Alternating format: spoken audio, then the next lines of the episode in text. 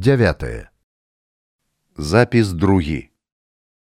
Усімі сіламі і магчымасцямі царскія памагатыя зрабілі каб імя сумленнага і адданага справе паўстання людвіга звяждоўскага было апаганена і абылгана.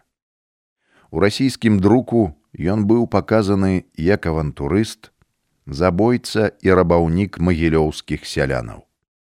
Нарыс пра яго напісаў михаил каткоў крайне русафіл.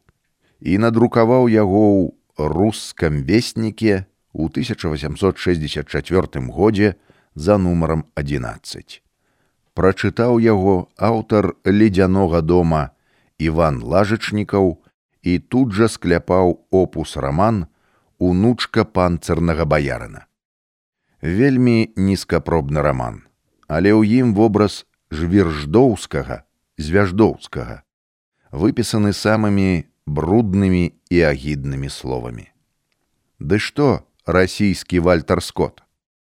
Гонар расійскай паэзіі някрасаў услаўляў мураўёва вешальнікаў на пышлівай одзе герцан з гэтай нагоды выказаў сваё абурэнне і пратэст следам за ім лаўровы вянок ратаўніка рассіі усклаў вешальніку на галаву цютчаў узносіў крывавага карніка да нябёсаў лічачы што ён адстаял і спас рассіі цэльнасць няхай паўстанне было патопленае ў крыві але бачыць бог пераможаныя былі нашмат мужнейшымі і дужэйшымі духоўна за сваіх карнікаў пераможцаў і крытыкаў творцаў бо яны загінулі за свабоду за народнае шчасце і таму сталі неўміручымі.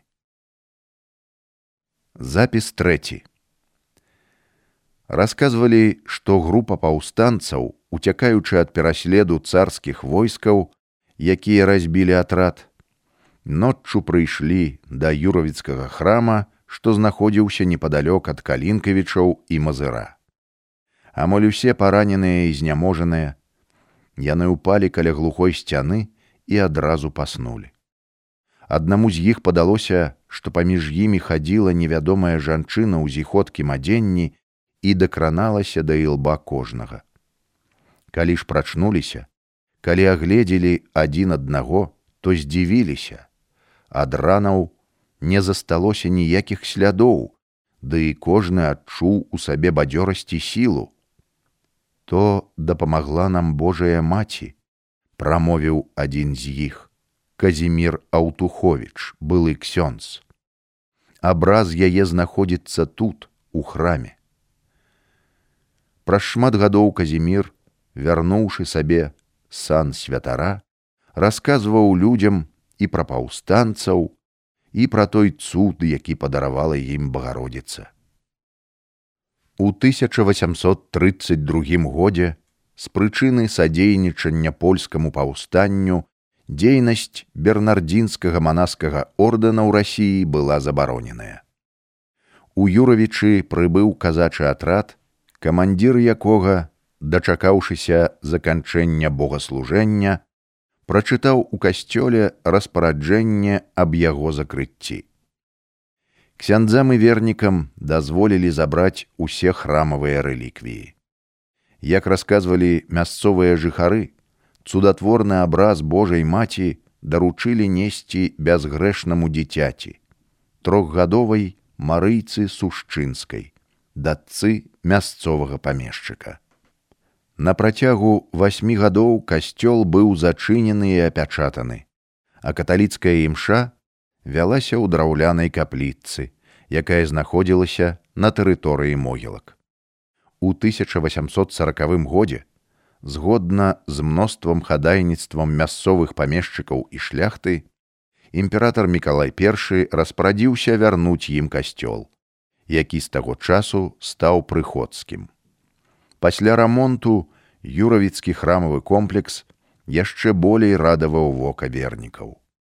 На самым высокім месцы гары, якая выглядала конусам, езуіты ўзвялі велічны касцёл, у якім знаходзіўся цудатворны абраз Божай маці. У лістападзе 1861 года на каталіцкі прыход у Юравічы быў прызначаны ксёндз Яшчовіч.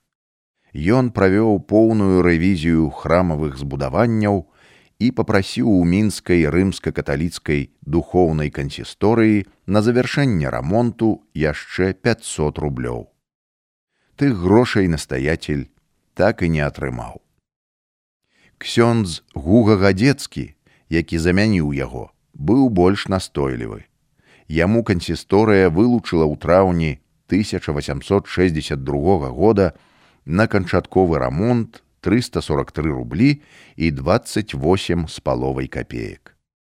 Гэтую суму ён выдаткаваў у тым жа годзе на самыя неадкладныя патрэбы і далажыў пра тое свайму духоўнаму кіраўніцтву, што, акрамя тых пачынак, усяго патрэбна для завяршэння працы юравіцкага касцёла 2254 рублі.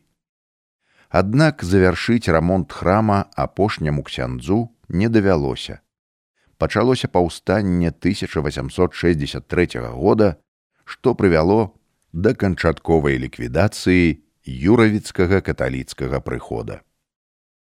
Улетку 1864 года мінская праваслаўная епархія звярнулася да генерал-губернатара Мураўёва з хадайніцтвам аб закрыцці юравіцкага касцёла ў сувязі з тым, што яго клір умешваецца ў справы праваслаўных. Генерал ад інфантэрыі зрабіў на гэты конт запыт ваеннаму начальніку мазырскага і рэчыцкага паветаў беларускія губерні на той час знаходзіліся на ваенным палажэнні.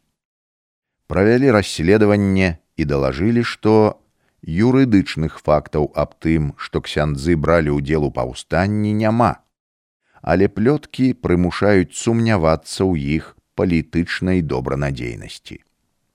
Мураўёву вешальніку тыя факты падаліся пераканаўчымі, і ён 11 лістапада 1864 года падпісаў распараджэнне аб закрыцці юравіцкага касцёла ў сувязі з тым, што падчас нядаўніх беспарадкаў мясцовыя памешчыкі і шляхта спявалі рэвалюцыйныя песні.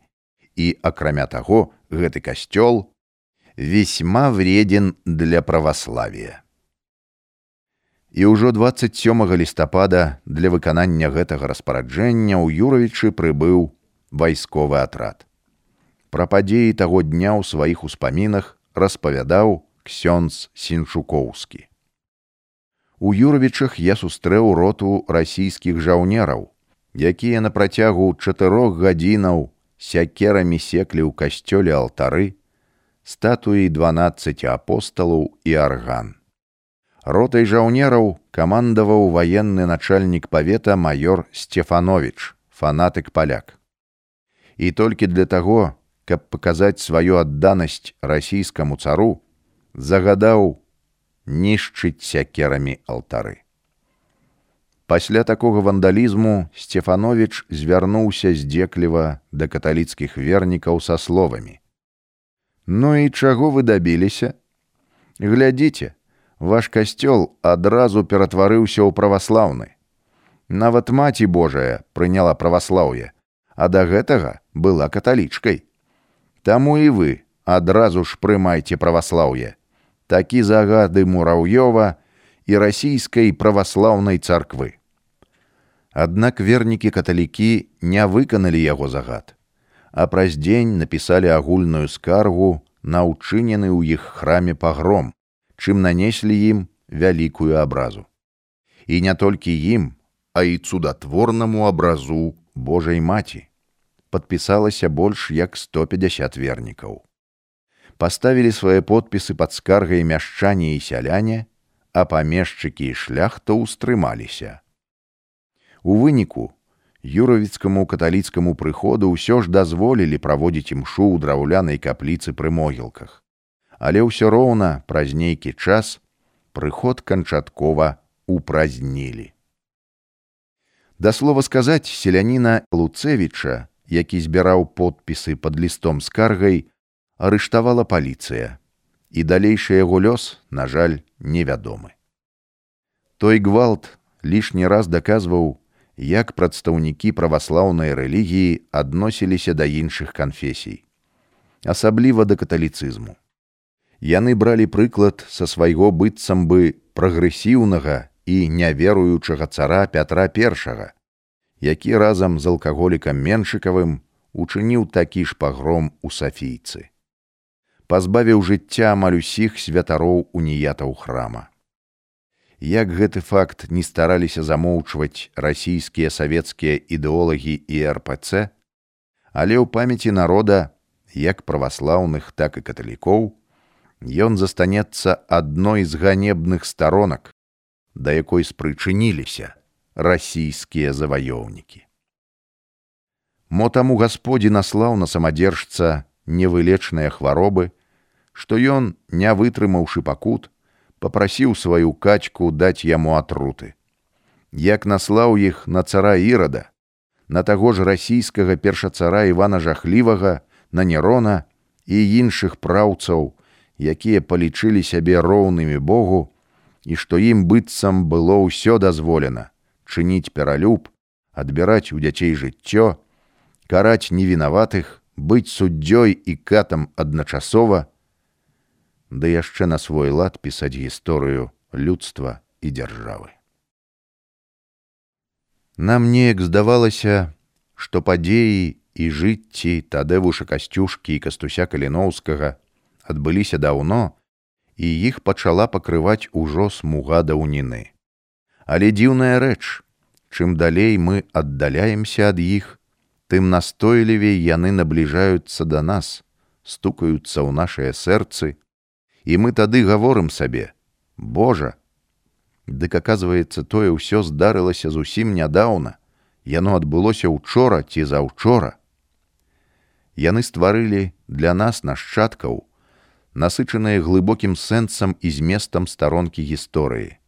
І з кожным годам, стагоддзям, яны будуць набываць усё большую і большую вагу і значнасць, узбуджаючы розумы ліцвінаў сваёй апантанасцю, упэўненасцю, магутнасцю і святой верай у тое, што той край, за які яны змагаліся, ахвяравалі сваім жыццём, урэшце рэшт стане вольным і шчаслівым. Якія старонкі нашчадкам пакінем мы з вами, ці любім мы па-сапраўднаму сваю радзіму ці не застанемся вінаватымі перад нашымі будучымі пакаленнямі ці ўсё зрабілі для таго каб быць дастойнымі сынамі паўстанцаў касінераў і інсургентаў. Не заставайцеся вінаватымі нікому і нічым акрамя ўзаемнай любові Таму што той хто любіць другога выканаў закон вучыць святы апостол павал у пасланні да рымлянаў 13восем той закон які сведчыць і патрабуе любі бліжняга свайго як самога сябе. Любоў ці каханне не робіць бліжняму зла бо каханне і ёсць выкананне закона